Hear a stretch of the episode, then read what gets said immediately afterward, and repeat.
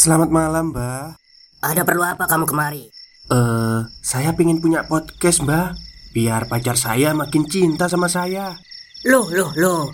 Mau bikin podcast kok tanya dukun? Sekarang kamu download aplikasi Anchor.fm. Di situ kamu bisa buat podcast gratis dan podcast kamu bisa didistribusikan ke platform mana pun. Dan di aplikasi atau website Anchor.fm juga terdapat fitur-fitur yang memudahkan kamu untuk membuat podcast. Oh, gitu ya, Mbak.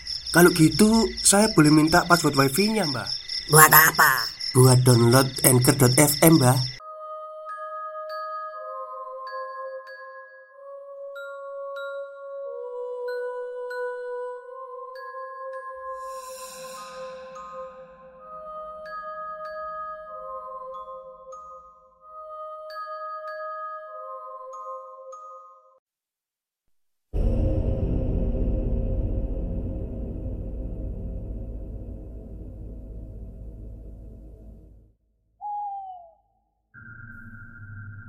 Assalamualaikum warahmatullahi wabarakatuh.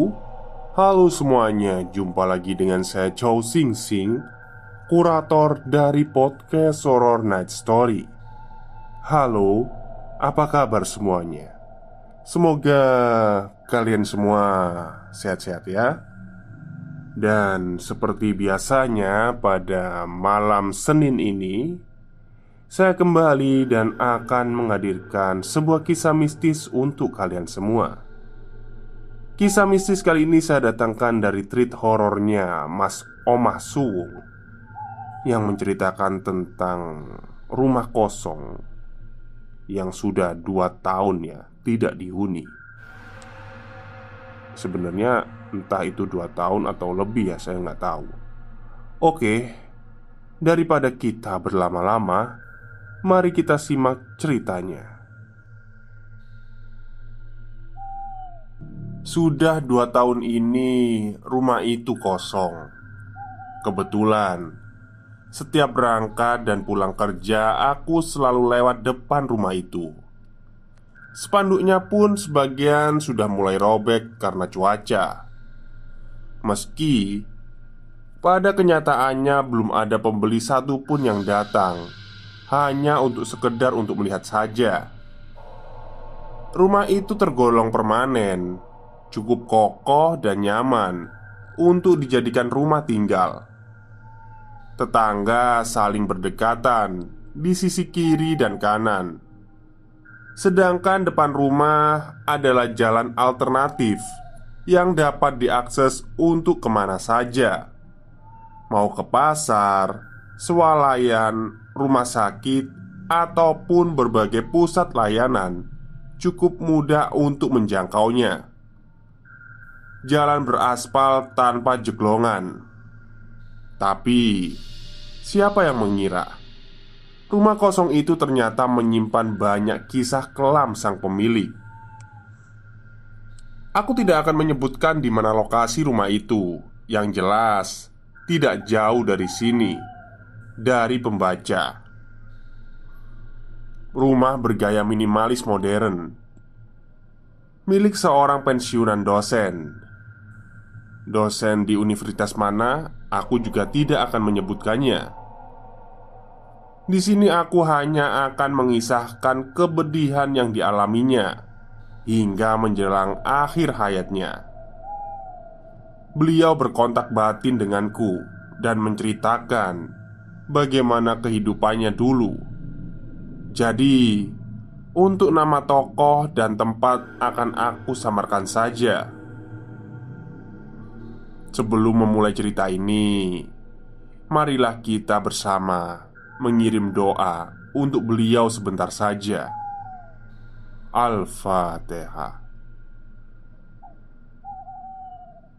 Semoga beliau tenang di alam sana.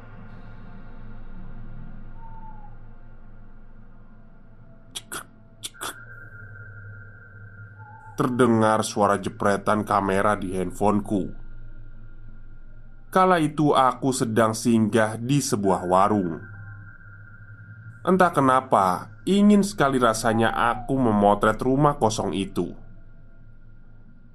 Saat jepretan kedua itulah aku merasakan ada energi lain yang datang mendekat. Rasa sedih, ingin menangis, dan tubuhku terasa berat sekali. Berkali-kali aku menggaruk tangan dan kaki, tapi rasanya kebas, terutama di bagian punggung. Kurang lebih satu detik, aku ada di kondisi aneh itu. Terima kasih kamu mau datang ke sini. Suara berat seorang perempuan tua mengiang di telingaku. Hah? Siapa itu? Aku masih berdiri terpaku.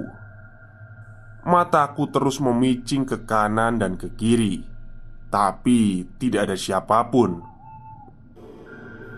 "Kamu siapa? Jangan ganggu aku deh." Aku beranikan diri bicara pada suara tanpa rupa itu.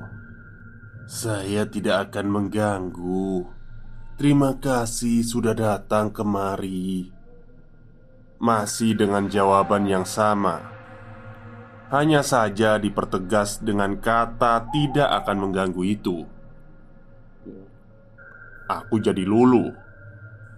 Sebelumnya, aku ceritakan dulu kenapa rumah itu kosong. Sekitar dua tahun yang lalu, seorang wanita parubaya ditemukan meninggal dunia di ruang tamu rumahnya. Baru ketahuan setelah tiga hari karena bau yang kian menyengat.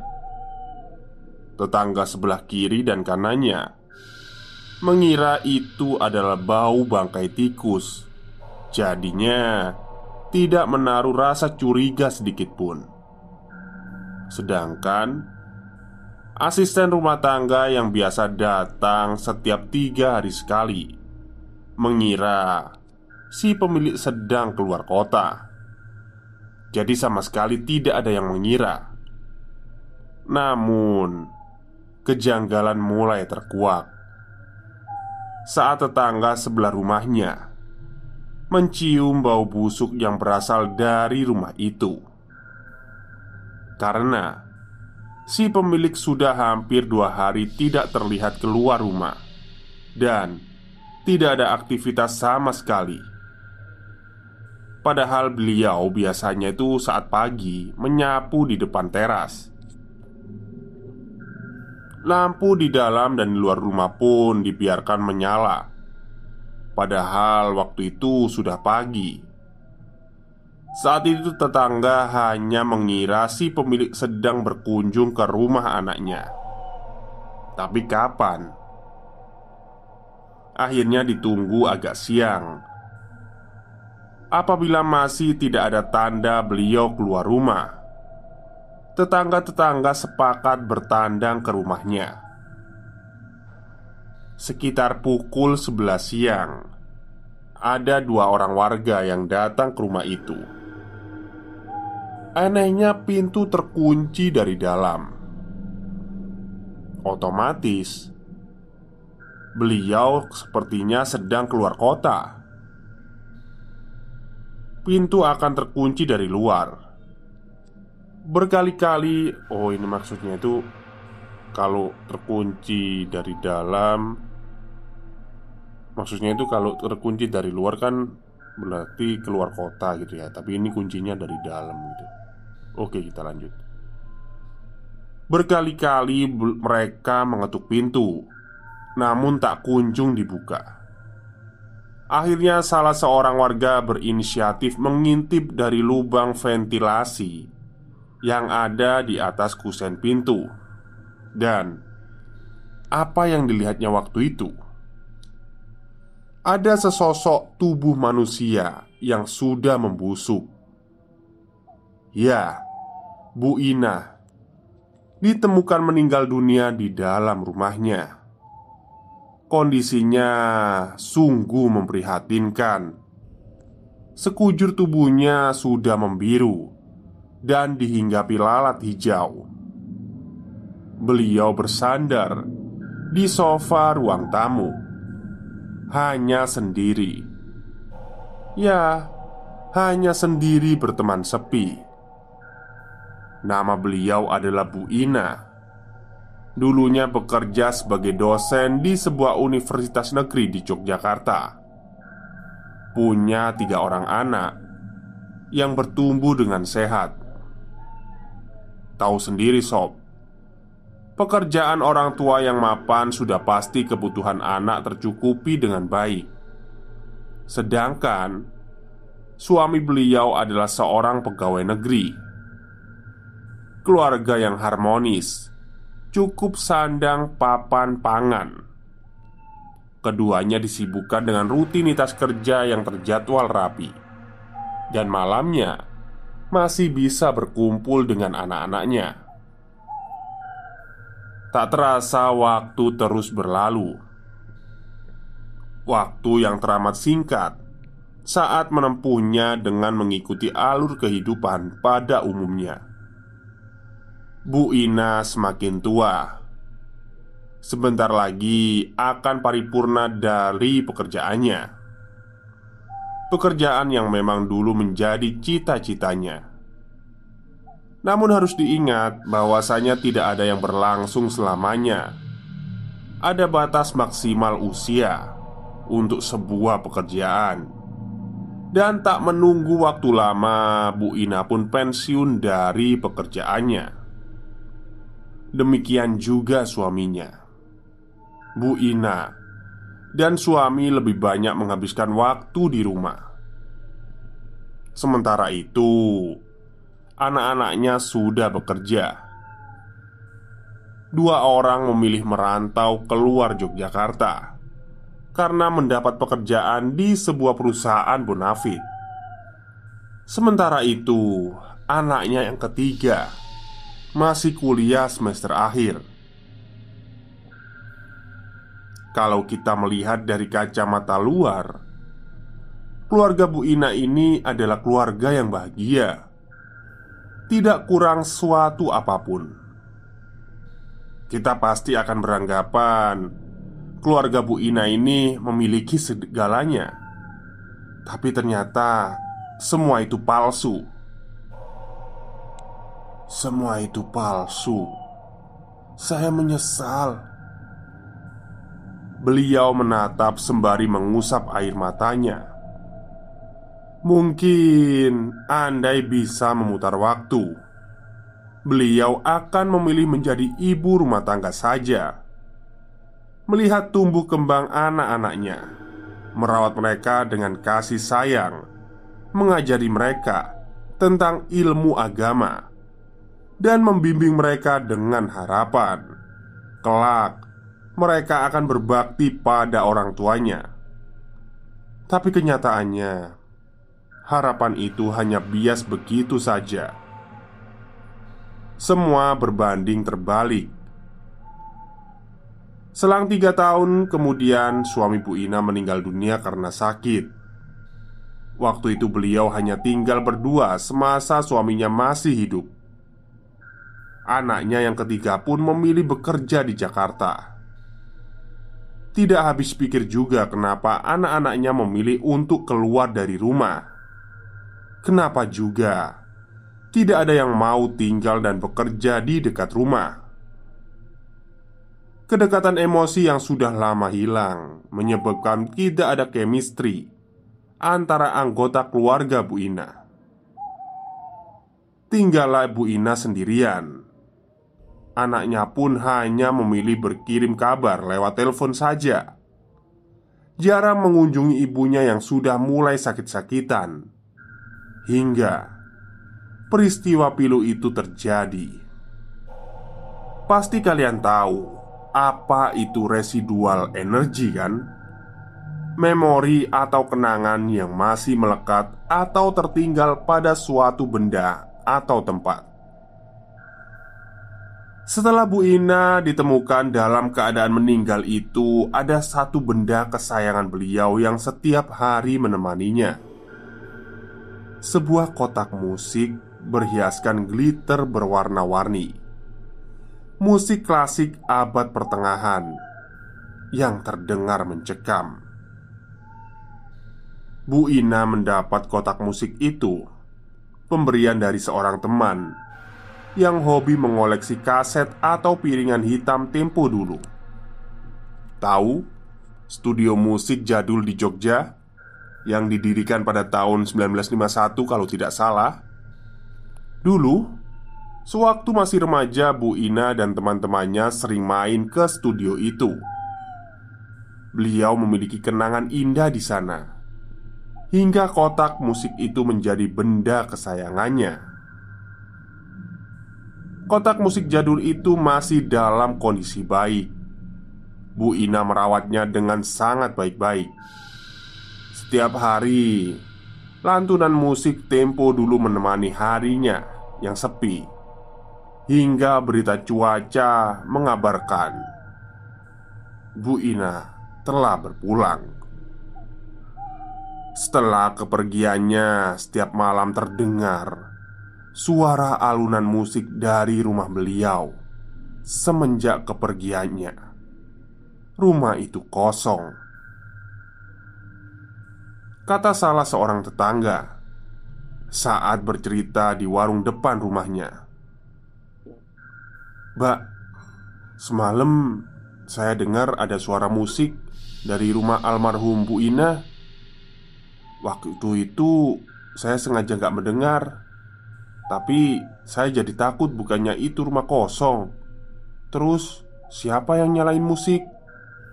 Mana suara musiknya itu sedih banget. Imbuhnya lagi sambil bergidik ngeri. Ya, Mau gimana lagi bu? Sepertinya Bu Ina memang belum ikhlas Mungkin masih ada ganjalan yang memberatkan di pikirannya semasa hidup Ucap si mbak penjaga warung. Bisa juga mbak. Bu Ina kan selama ini tinggal sendiri. Anak-anaknya aja jarang pulang. Kasian banget sih sebetulnya. Meski berkecukupan Tapi kalau sendirian gak ada yang menemani ya jadi mikir kalau ada apa-apa. Ujar si tetangga. Mbak penjaga warung hanya tersenyum Sebetulnya enggan untuk membahas orang yang sudah meninggal. Singkat cerita. Jika saya bisa memutar waktu Saya akan memilih. Belum selesai sosok tanpa rupa itu berkata Terdengar tangis yang begitu menyayat. Diiringi rintihan kesakitan yang semakin membuatku tak tahan untuk mendengarnya Lambat laun suaranya semakin kecil lalu menghilang Terbawa angin di keremangan malam Malam itu Masih hujan gerimis Rumah kosong itu terlihat seram Namun hawa kepedihan melekat di pikiran. Mungkin hanya beberapa orang saja yang bisa menangkap energi itu. Hawa kesedihan dari kematian, meski mutlak terjadi, namun apabila hal itu terjadi, selalu diiringi dengan kesakitan, kemarahan, penyesalan, dan ketidakikhlasan. Tidak ada yang pergi dengan kelapangan karena kita manusia yang penuh dengan rasa. Sampai saat ini, rumah itu belum laku terjual. Rumah yang menyimpan banyak kenangan indah, meski pada akhirnya menyimpan kesedihan dari satu sosok perempuan paruh baya yang hingga akhir hayatnya hidup dalam kesepian. Selesai. Stop, stop. Kita break sebentar. Jadi gimana? Kalian pengen punya podcast seperti saya? Jangan pakai dukun, pakai Anchor. Download sekarang juga. Gratis. Oke, itulah akhir kisah dari treat horornya Mas Suwung yang menceritakan rumah kosong ya tapi kalau bisa dibilang mungkin uh, hantunya ini baik ya Tidak jahat itu Cuman ya memang sedih aja kisahnya itu ya Apalagi kematiannya juga uh, Sendiri gitu kan ya Kasian sih Udah tua gitu kan Ternyata materi itu tidak selamanya bisa membuat kita bahagia. Ya, kalau bisa dilihat dari ceritanya, Bu Ina ini dan keluarganya ini memang orang yang berkecukupan ya. Mau apa tinggal ambil gitu aja.